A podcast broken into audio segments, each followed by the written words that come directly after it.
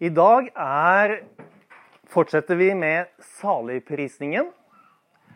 Og i dag, hvem er det som er salig? Jo, Jesus sier, 'Salige er de som skaper fred'. Salige er de som skaper fred.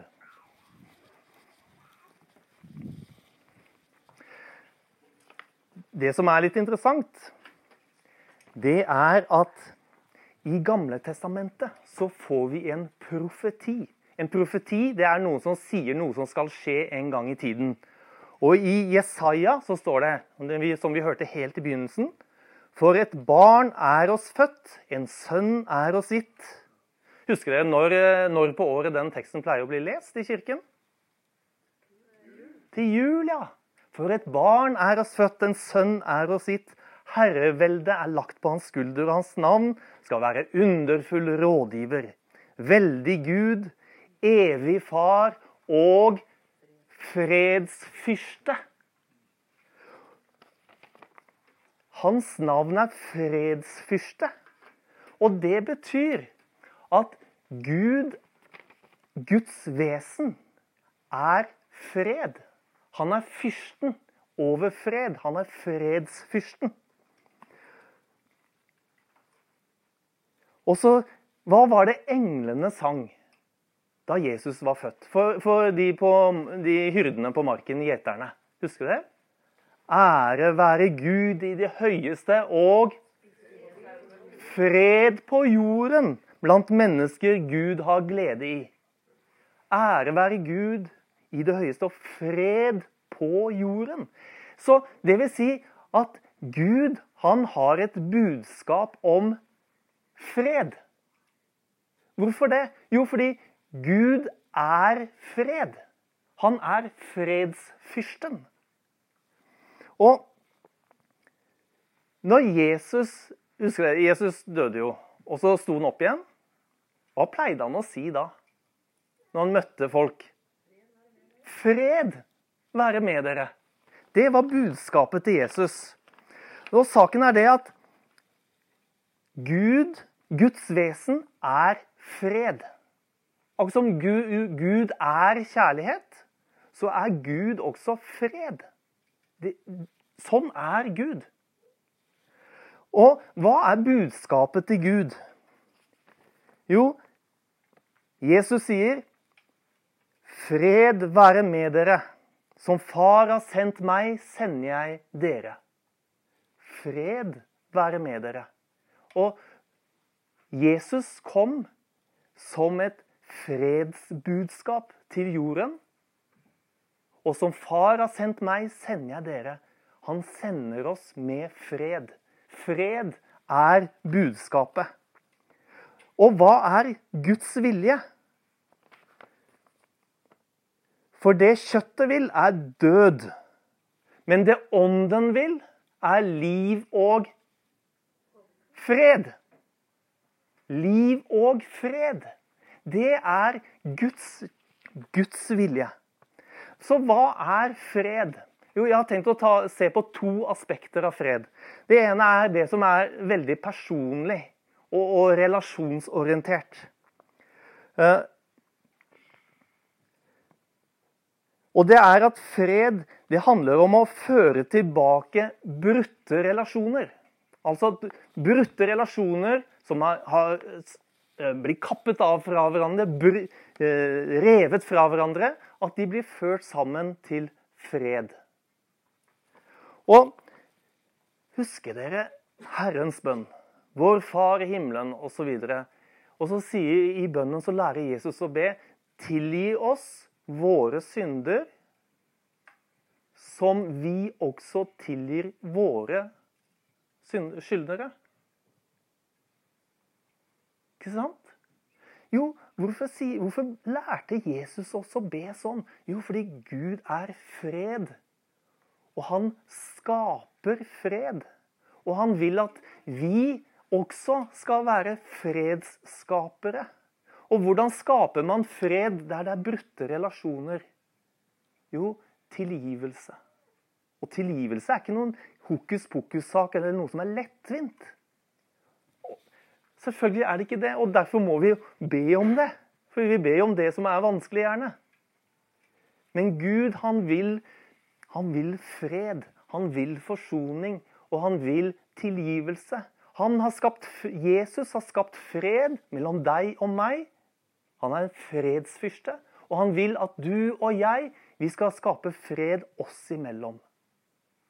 Og de fleste av oss vi har vært eller er i eller kommer til å komme i, i, i situasjoner hvor vi har brutte relasjoner. Og det kan være fryktelig vanskelig, og i menneskelig forstand så kan det være umulig å tilgi. Det kan være umulig å forsone seg med. Men vet du hva? For Gud er ingenting umulig. Det er derfor Jesus lærer oss å be den bønnen. Tilgi oss vår skyld, slik også vi tilgir våre skyldnere. Fordi at vi skal være med og skape fred.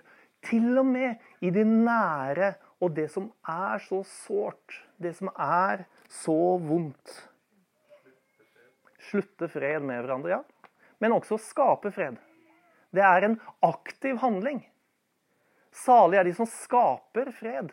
Det er en aktiv handling som Vi skal ikke være passive. Vi skal vi skal jobbe for saken, på tross av at det er vanskelig og det er vondt. Men det er et annet aspekt også av det å skape fred, som kanskje går litt med på det jeg skal kalle det, det, det storpolitiske, kan jeg si det? Eh, og det er en profeti i Jesaja. Og nå må jeg skifte briller, da. Lesebrillene. I Jesaja kapittel 2, vers 3-5, så står det Mange folkeslag skal gå av sted og si, Kom, la oss gå opp til Herrens berg, til Jakobs, Guds hus, så han kan lære oss sine veier, og vi vandrer på hans stier. For fra Sion skal lov utgå Herrens ord fra Jerusalem. Så han kan lære oss sine veier. Er det sånn at hvis vi, hvis vi, ønsker å lære noe, er det ikke sånn at det er fordi vi ikke kan det? Jo, vi ønsker å lære noe fordi vi ikke kan det, eller ikke kan det godt nok. Og her er budskapet la oss gå opp. La oss eh, gå opp til Jakobs Guds hus, så han kan lære oss sine veier, og vi vandrer på hans stier. Det er noe vi må lære. Det er noe vi ikke kan godt nok ennå. Så står det han skal dømme mellom hedningfolkene og skifte rett for mange folkeslag. De skal smi sine sverd om til hakker og sine spyd til vingårdskniver. Et folk skal ikke lenger løfte sverd mot et annet, og de skal ikke lenger lære å føre krig. Så Gud, han, har, han er fredsfyrste. Og han har et fredsrike. Det er en profeti om noe som skal komme. Det er Guds vilje. Det er eh, på en måte målet. Det vi lengter etter. Den nye himmel og den nye jord hvor rettferdighet skal bo. Og hvor det ikke er gråt, hvor det ikke er tortur, hvor det ikke er smerte. Og vi skal ikke lenger lære å føre krig, står det om den profetien. Men han sier her vi skal gå opp til Jakobs Guds hus for at han skal lære oss sine veier. Det betyr at allerede i denne verden som er full av krig, som er full av ondskap, så skal vi vandre aktivt fredens vei. Ja, i relasjon oss imellom, men også i det storpolitiske. Det som handler om fredsskapende arbeid. Fordi det med Guds rike, det er det at det er, helt, det er noe helt annerledes. Guds barn, de er annerledes. Guds barn er fredsskapere. Og Guds barn, de lever som om Guds rike allerede er her. Jeg, jeg tror det er visjonen til Jesus. For han sier det at eh, når noen hater deg, da skal du elske vedkommende tilbake. Hvis noen slår deg, skal du vende andre kinnet til. Hvorfor det? Jo, fordi det er et profetisk liv vi er kalt til å leve. Vi er kalt til å leve det livet som en gang kommer. Vi er et tegn for de som er rundt oss, og hvor de ser at Oi, den personen bærer noe med seg som er annerledes. Noe som er en, en påminnelse om noe som skal komme. Og nei, vi kan ikke avskaffe krig, dessverre. Ja, antagelig så må vi ha et militært forsvar. Men vi skal leve et annerledes profetisk liv, som om Guds rike allerede var her, for å vise hva Guds rike en gang kommer til å være. Et lite lys i den svarte natta.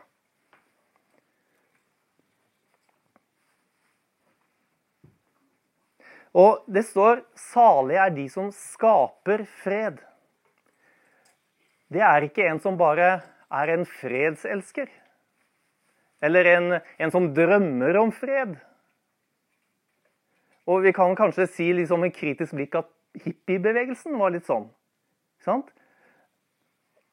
De drømte om fred og, og, og, og forsoning, men det var svært lite som ble gjort. De var ikke fredsskapere, men de var fredsdrømmere. De drømte om freden. Men Gud kaller oss til aktiv handling. Jeg har tidligere vært pasifist. Jeg vet ikke om det var så veldig aktivt, kanskje. For Gud kaller oss til aktivitet. Å være fredsskapere. Salige er de som skaper fred. I morgen skal vi høre mer om at eh, de kalles Guds barn. Hvorfor det? Jo, fordi Gud er fredsfyrsten. Og han opp, vil opprette et fredsrike. Og i, i det riket, der er vi borgere. Vi er barn av fredsfyrsten, og det er naturlig for oss å skape fred, fordi Gud er fred. Og han sier, 'Fred være med dere'. Som Far har sendt meg, sender jeg dere.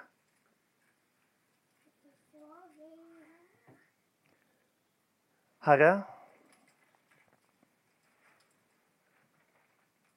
takk for at du er fredsfyrste.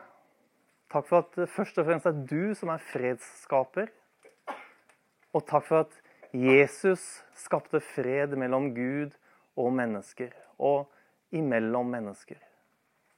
Hjelp oss, Herre, til å være barn av fredsfyrsten og leve som barn av fredsfyrsten. Og skape aktivt fred i våre nære relasjoner, men også i det store og, sosiale, eh, store og politiske verdensbildet. Herre, hjelp oss til å være lys i verden Det kan virke så smått og som ingenting, men allikevel et lys i mørket, en profeti om det som en gang skal komme. Herre, fyll våre hjerter med fred. Til sist så vil jeg lese det som står i Jakob 3, 18. Og rettferdigheten er en frukt som blir sådd i fred og vokser fram for den som skaper fred.